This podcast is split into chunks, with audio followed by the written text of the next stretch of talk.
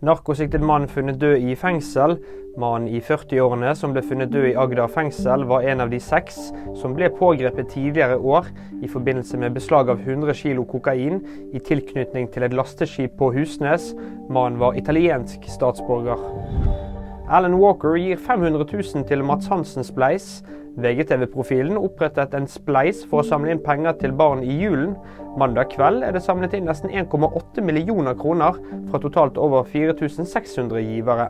Mats Hansen er tilknytta Max Social, som er et heleid profilbyrå i VGTV. Redaksjonen står fritt.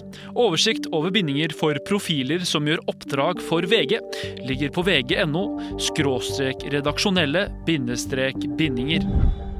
FA åpner sak mot Manchester City. Det skjer etter bråket på overtid i 3-3-kampen mot Tottenham.